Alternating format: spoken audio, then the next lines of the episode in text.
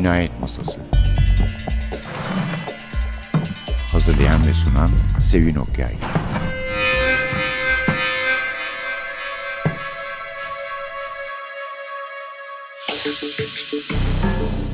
Merhaba.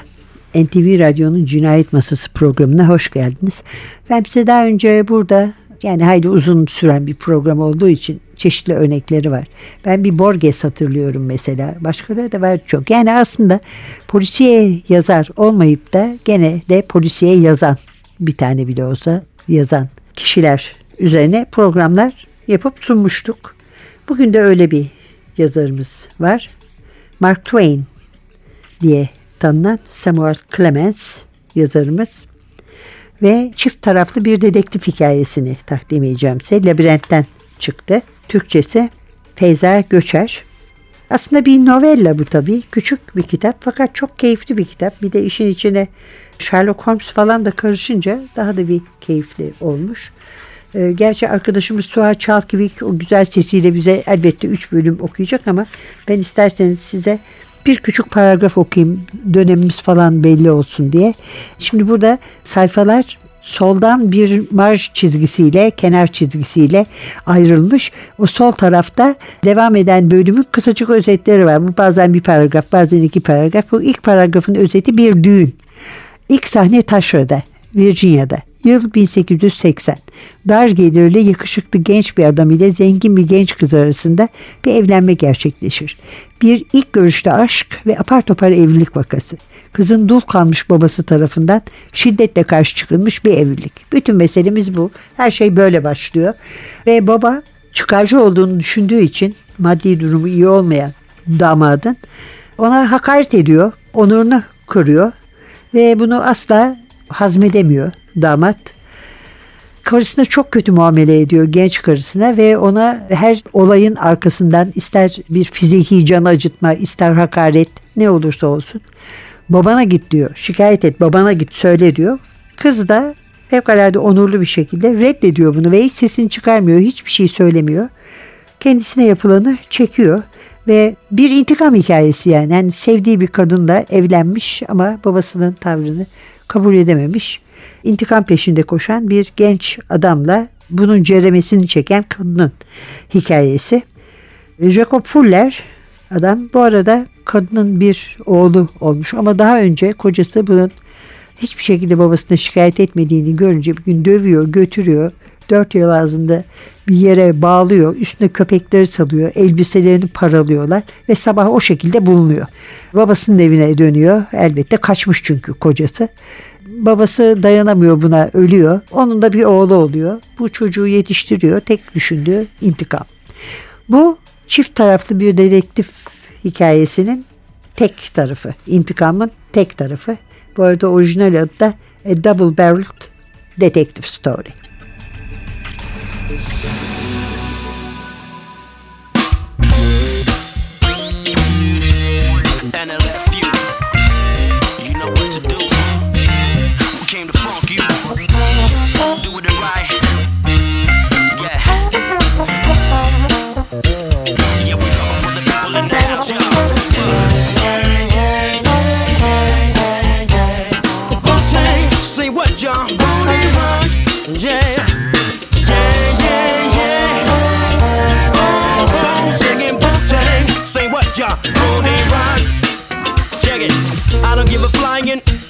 About no skinny models ass. I just need that everlasting, y'all know, built to last. The way you move it, uh, you know you be the.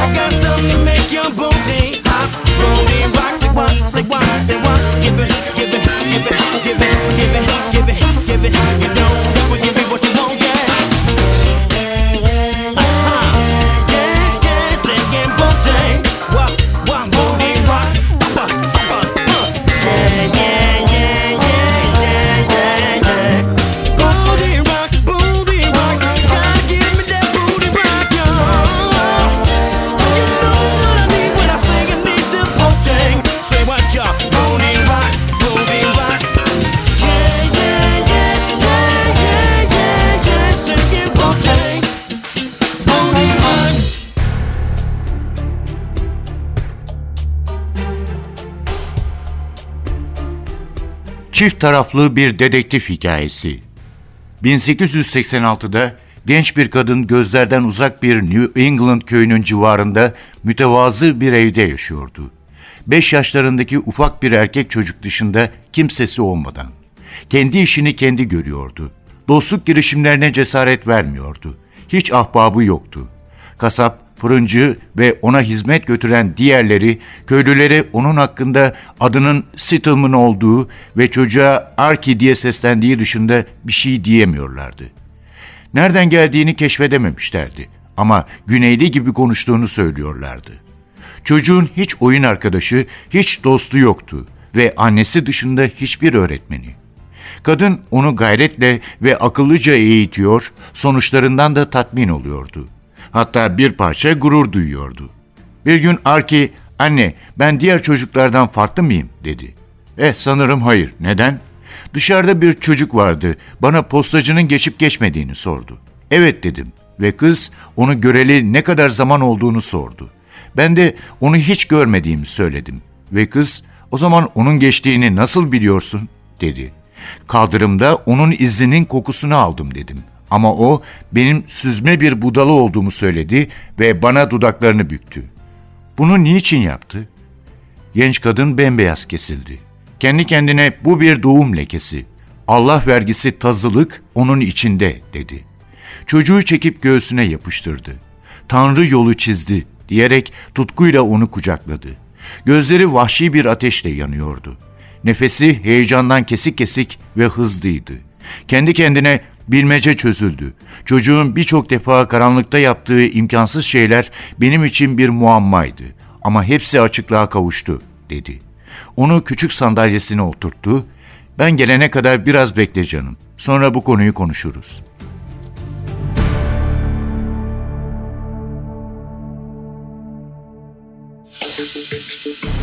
Bir oğlu olduğundan söz etmiştik kahramanımızın. Archie Stillman adını veriyor çocuğa. Onu bir ümitle büyütüyor. Kaçan babasının yerini bulsun diye az önce dinlediniz zaten böyle bir ümit beslemekte de haklı. Çünkü tazı gibi çocuğun burnu her şeyin kokusunu alıyor ve anlıyor, biliyor, bekliyor. Efendim gelelim ikinci tarafına dedektif hikayesinin. Kaliforniya'da bir madencilik kampında Fatback Jones ki aynı zamanda Sherlock Holmes'un yeğeni oluyor. Efendisi Flint Buckner'ı öldürüyor. Bir gümüş madencisi Flint nasıl öldürüyor? Kulübesine havaya uçurmuş. O sırada da tesadüfen Sherlock Holmes ziyaret ediyormuş yeğenini. Hemen tabii çözmeye girişiyor olayı. Fevkalade mantıklı, akıl yürüterek bir soruşturma sürdürdükten sonra bu akıl yürütmenin sonucunda bir katil tespit ediyor. Ama Archie Stillman yani bizim çocuk olarak bıraktığımız Archie koku duygusundan yararlanarak onun ne kadar yanıldığını ortaya koyuyor. Yani biliyorsunuz tabii bu zaten bir hiciv yani dedektif romanları üzerine bir hiciv. Aynı zamanda Twain sık sık yaptığı gibi hayatın pek de mantıklı bir akış izlemediğinde bize bir kere daha hatırlatmayı ihmal etmemiş. Sherlock Holmes bilimsel yöntemler izliyor ama artık gülünç denecek bir derecede bağlı yani bu bilimsel yöntemleri ama tamamen yanlış bir sonuca varmış. Öte yandan suç da doğaüstü bir yetenekle çözülmüş. Ki bu da belki Conan Doyle'un kendisine bir göndermedir. Üstad böyle şeylere inanırdı çünkü biliyorsunuz kendisi. Ayrıca Sam Clemens, Mark Twain dördüncü duvarı da delmiş ve hikayenin ortasında kendisi olarak görünmüş. Ve tefrika edildiği için herhalde hikaye mektuplar gelmiş okurlardan. O da gazetenin editörüne gelen bu mektuplara cevap vermiş. Ve kendi meşhur kısa hikayelerinden de bazılarını hem böylece duyurmuş hem de alay etmiş onlarla. Yani Twain'e çok yakışan bir şey diyebiliriz. Aynı zamanda bir de filmi var bunun. 1965 tarihli bir buçuk saatlik bir film. Adolphus Mekas çekmiş. Kendisi yazmış Mark Twain'in hikayesinden senaryoyu da. Jeff Siggins, Greta Thyssen, Hurt Hatfield diye şahsen benim tanımadığım üç oyuncu, başrol oyuncusu var. İlginç ve yer yer komik bulunmuş film. Hatta bir eleştirmen demiş ki yani düşük bir bütçeye göre iyi bir prodüksiyon ama Mekas çok daha iyisini yapmıştır. Hakikaten de Mekas çok daha iyisini yapmıştır. Litvanyalı bir e, sinemacı, senarist, yönetmen, editör, aktör, eğitimci idi kendisi. Kardeşi Jonas Mekas'la birlikte Film Culture dergisini kurmuşlardı. Filmmakers Cooperative aynı zamanda Fluxus sanat hareketiyle ilgiliydiler. Çok değerli bir yönetmendir yani. Hatta ben sanıyorum Torino'da kardeşi Jonas Mekas'tan ki bir avare olarak daima dolaşır ve kendisine Amerikan avantgard sinemasının babası denir gelir elde etmek için sattığı kendi kartpostallarından bir tane almıştım. Siyah beyaz bir kartpostal. Üzerinde Jonas'ın resmi arkada imzası var. Bununla da iftihar ederim ve yani kaybetmedim nasıl da olduysa. Müzik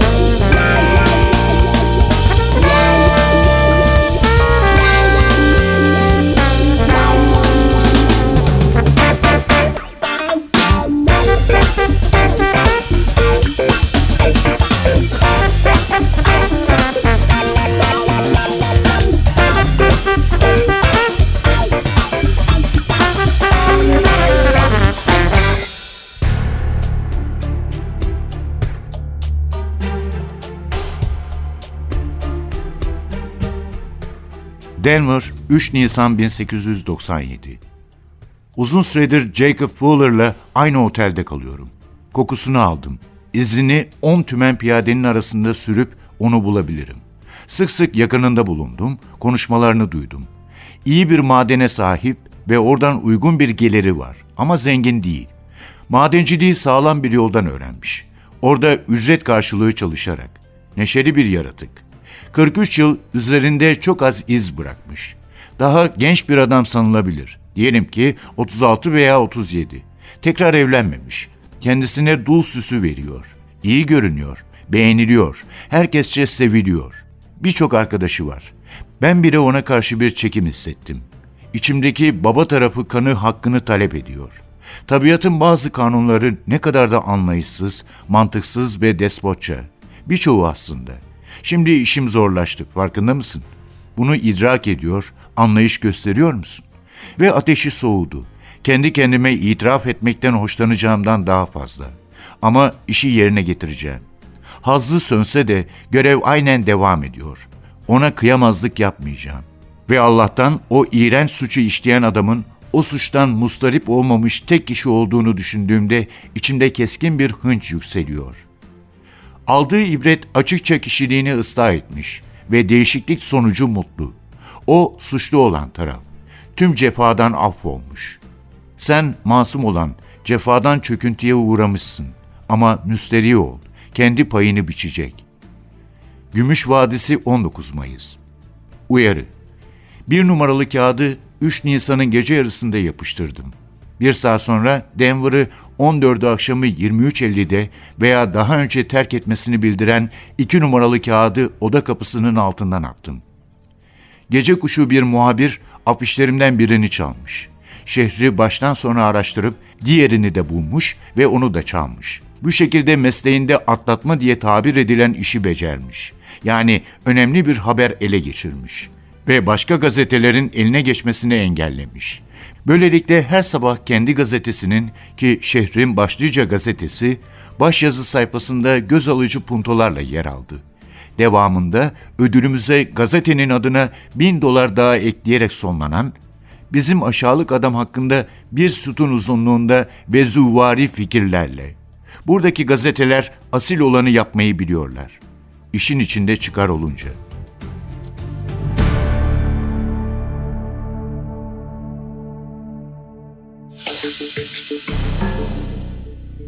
Efendim Mark Twain'i kısaca hatırlayalım isterseniz. Yani meslektaşlarının o kadar takdir ettiği bir yazar ki her şeyden önce onu söyleyeyim. Ve bu takdir eden meslektaşlar arasında mesela William Faulkner da var. Yani böyle çok ağır edebiyatçı sayılan komik şeylerden hoşlanmayan insanların belki pek de Mark Twain'i beğeneceğini düşünmediği insanlar da var bunların arasında. Gerçekten Amerikalı olan ilk yazar ve hepimiz bu yüzden onun mirasçılarıyız demiş William Faulkner.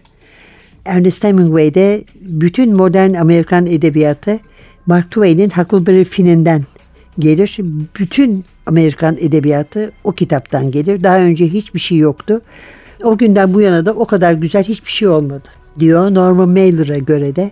Huckleberry Finn'in ne kadar iyi olduğunu şuradan anlayabiliriz ki insan onu en iyi modern Amerikan romanlarıyla karşılaştırabilir ve sayfa sayfa hemen hemen hepsiyle başa çıkar, hepsinden daha iyidir demiş. Samuel Langhorne Clemens bir ara Thomas Jefferson Snodgrass diye de yazmış ama esas olarak Mark Twain adını kullanmış. Mark Twain onun Mississippi'de nehirde geçen e, gençlik yıllarından kalma bir şey, bir isim. Çünkü orada yani seyre müsait mi nehir, nehirin durumu nedir diye e, ölçerlermiş kaç kulaç olduğunu suyun. Nehirde pilot olarak, kılavuz olarak çalışıyordu. Ve iki kulaç anlamına geliyor. Twain iki Mark Twain yani iki kulaç derinlik var ve rahat rahat seyredebilir suda tekne anlamına ki bu 3.66 metre gibi bir şey oluyor. Yazarlık hayatında bunu kullanmış. 1835 30 Kasım doğumlu 1910 21 Nisan'da ölmüş. Olivia Langdon'la evli dört tane çocuğu var. Bir de şöyle bir şey var. Halley kuyruklu yıldızı Mark Twain'in hem doğduğu gece hem de öldüğü gece dünyadan geçmiş. Yani bir kuyruklu yıldızı da benzetebiliriz arzu edersek. 30'dan fazla kitabı var. Yazarlıkla hep ilgilenmiş ama bu belki de ilk işlerinden birinin bir matbaada çırak olarak çalışmasından kaynaklanıyordur. Bu arada nehirde çalışan teknede kılavuzluk yaparken ayda 150 ila 250 dolar alıyormuş. İç savaş sırasında gayet faal bir küçük milis grubu kurmuş. Gerçi iki haftada dağılmış ama hayli mücadeleleri olmuş yani. Bu milisler dağıldıktan sonra da Missouri'yi bırakıp Nevada'ya yerleşmiş. Orada madenci olarak çalışmış. Yani aslında anlattığı şeylerin hepsini kendi sadece görmekle de kalmamış, yaşamış. Onun içinde belki en çok beğenilen kitabı Huckleberry Finn ile benim en çok sevdiğim Tom Sawyer fevkalade inanılır. Aynı zamanda komik ve aynı zamanda sosyal sorunları ele alan kitaplardır.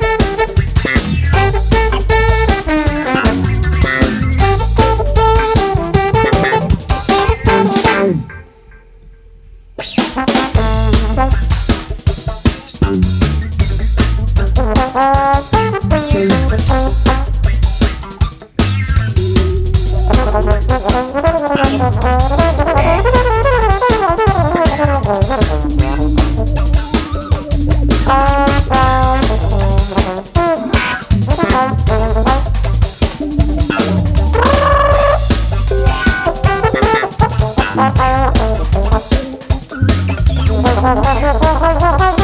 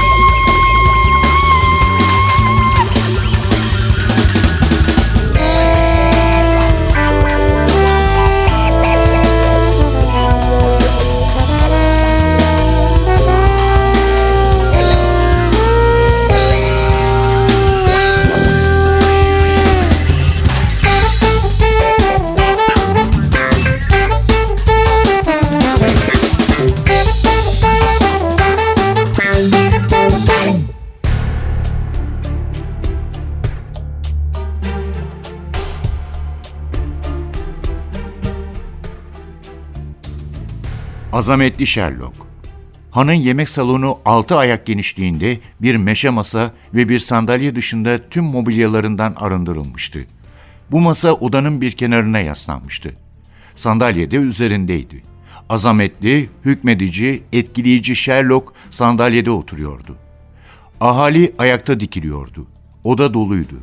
Tütün dumanı yoğundu. Sessizlik derin. Sesli düşünüyor. Olağanüstü adam daha fazla sessizlik emretmek için elini kaldırdı, birkaç saniye için havada tuttu. Sonra kendinden emin özlü ifadelerle soru üzerine soru yağdırdı ve cevapları hı hı hı hı kafa sallamalar eşliğinde kaydetti. Bu süreçte Flint Buckner hakkında insanların ona anlatabileceği her şeyi öğrendi. Karakteri, davranışları, alışkanlıkları. Böylelikle ortaya çıktı ki olağanüstü adamın yeğeni kampta Flint Buckner'a karşı öldürmeye yetecek bir kuyruk acısı olan tek kişiydi. Bay Holmes sahilde yukarıdan şefkatle gülümsedi ve uyuşukça sordu. Haklı sorular. Siz beyefendilerden herhangi birinizin delikanlı Fetlock Jones'un patlama sırasında nerede olduğunu bilme ihtimali var mı? Cevap kulakları sağır edercesine geldi.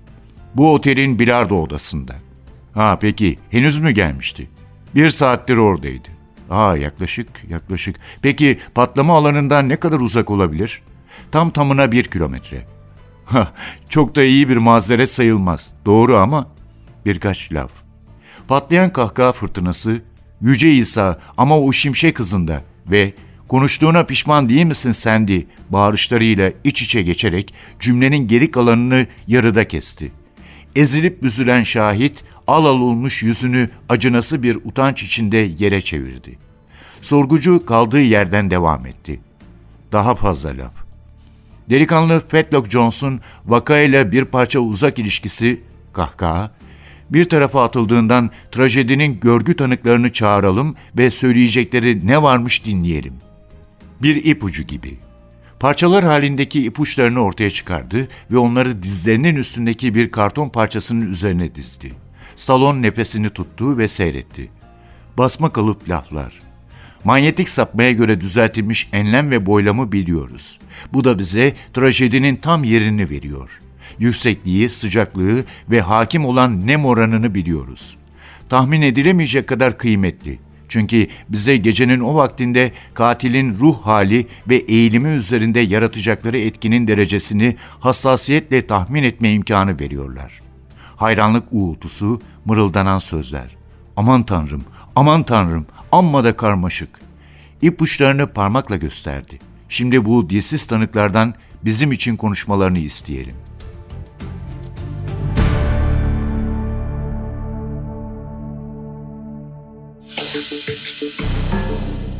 Yani dediğimiz gibi Huckleberry Finn pek çok da uyarlaması vardır. Yani her şey olmuştur. En çok beğenilen kitabıdır. Hem çocukların hem büyüklerin büyük bir merakla, heyecanla okudukları ve iç savaşa yol açan ayrımlara da yakından değinen bir kitap. Ama ben ben asla çocukluğumun en güzel kitaplarından biri saydığım Tom Sawyer'ın maceralarında Adventures of Tom Sawyer'ı unutamayacağım. Çünkü ben yani uslu bir çocuk sayılırdım. Annemin görüşüne göre biraz sinsi olsam da ama Tom Sawyer düpedüz yaramazdı yani. Her zaman da böyle açıkça yaramaz olan çocukları hem sevmişimdir hem de birazcık gıpta etmişimdir doğrusu. Tom Sawyer hayal gücü de çok güçlü bir çocuktu. Boyuna başını belaya sokardı. Oradaki karakterleri de unutamayacağım. Mesela kitap bir çevirimiz var. Bir kitap çıkacak NTV yayınlarından. Orada Mark Twain ile yapılan iki ayrı konuşma var. Bir tanesi de Rudyard Kipling olan. Peki ne oldu? Hakime ne oldu diye soruyor. Becky Thatcher'ın peşinde koşuyor. Şimdi Becky Thatcher Tom'un, küçük Tom'un aşık olduğu küçük kız. Aslında daha önceden Emil Lawrence diye bir sevgilisi var. Fakat kente, kasabaya yargıç Thatcher'la küçük kızı Becky geldiği zaman Tom elden gidiyor yani. Küçük kıza gönül veriyor. Ve işte gösterişler gösterişler de yapıyor ona. Bir maceraları vardır. Bir tane sonunda onları koskoca bir duvarı beyaza boyatırlar. Onu hiç unutmam. Onun için ne numaralar yapar. Saf arkadaşlarını kandırır. Bir yerlerden bir şeyler alır. Birilerine para verir. Yani nedense herhalde öyle yaramaz olamadığım için hasetle diyeceğim. Beni çok etkileyen bir kitaptı. Çok küçük yaşta bana okunan bir kitap ama daha okuma yazımı bilmezken annemin bana okuduğu kitaplardan biriydi. İşte Pollyanna, e, Oliver Twist ve galiba Küçük Kadınlarla birlikte. Yani hepsini severim. Küçük Kadınları sonra daha da çok sevmişimdir ama Tom Sawyer'ı küçüklük kitaplarımın arasında su bebekleriyle birlikte en üst sıraya koymuş olabilirim. Bir e, üvey kardeşi vardır Sid.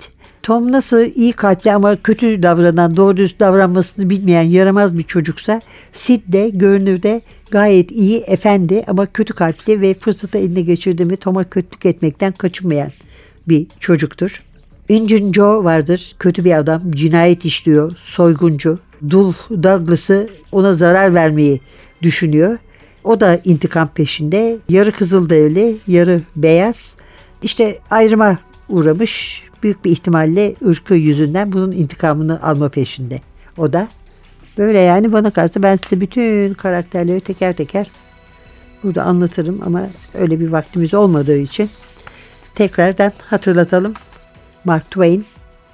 Kitabımız çift taraflı bir dedektif hikayesi. A Double Barreled Detective Story. Feyza Göçer'in çevirisiyle Labirent'ten çıktı. Bir novella, kısa bir roman. İkili bir intikam hikayesini anlatıyor ki zaten üç bölümünde her zaman olduğu gibi arkadaşımız Suat Çalkıvik size okudu. Biz de bu arada fırsatı ganimet bilip biraz Huckleberry Finn'i ama daha da çok Tom Sawyer'ı hatırladık. Efendim önümüzdeki hafta bir Agatha Christie kitabıyla birlikte olacağız. Çünkü BBC'de Poirot dizisi vardı biliyorsunuz. O bitmişti. Bu sefer Amerika'daki dizi de bitti. Hem David Suchet'i Poirot'u oynayan uğurlamak hem de bir kere daha hatırlamak için Harlow Malikanesi ile birlikte karşınızda olacağız. Mikrofonda Sevin, masada Hasan. O vakte kadar size güzel, keyifli bir hafta diler. Hoşçakalın.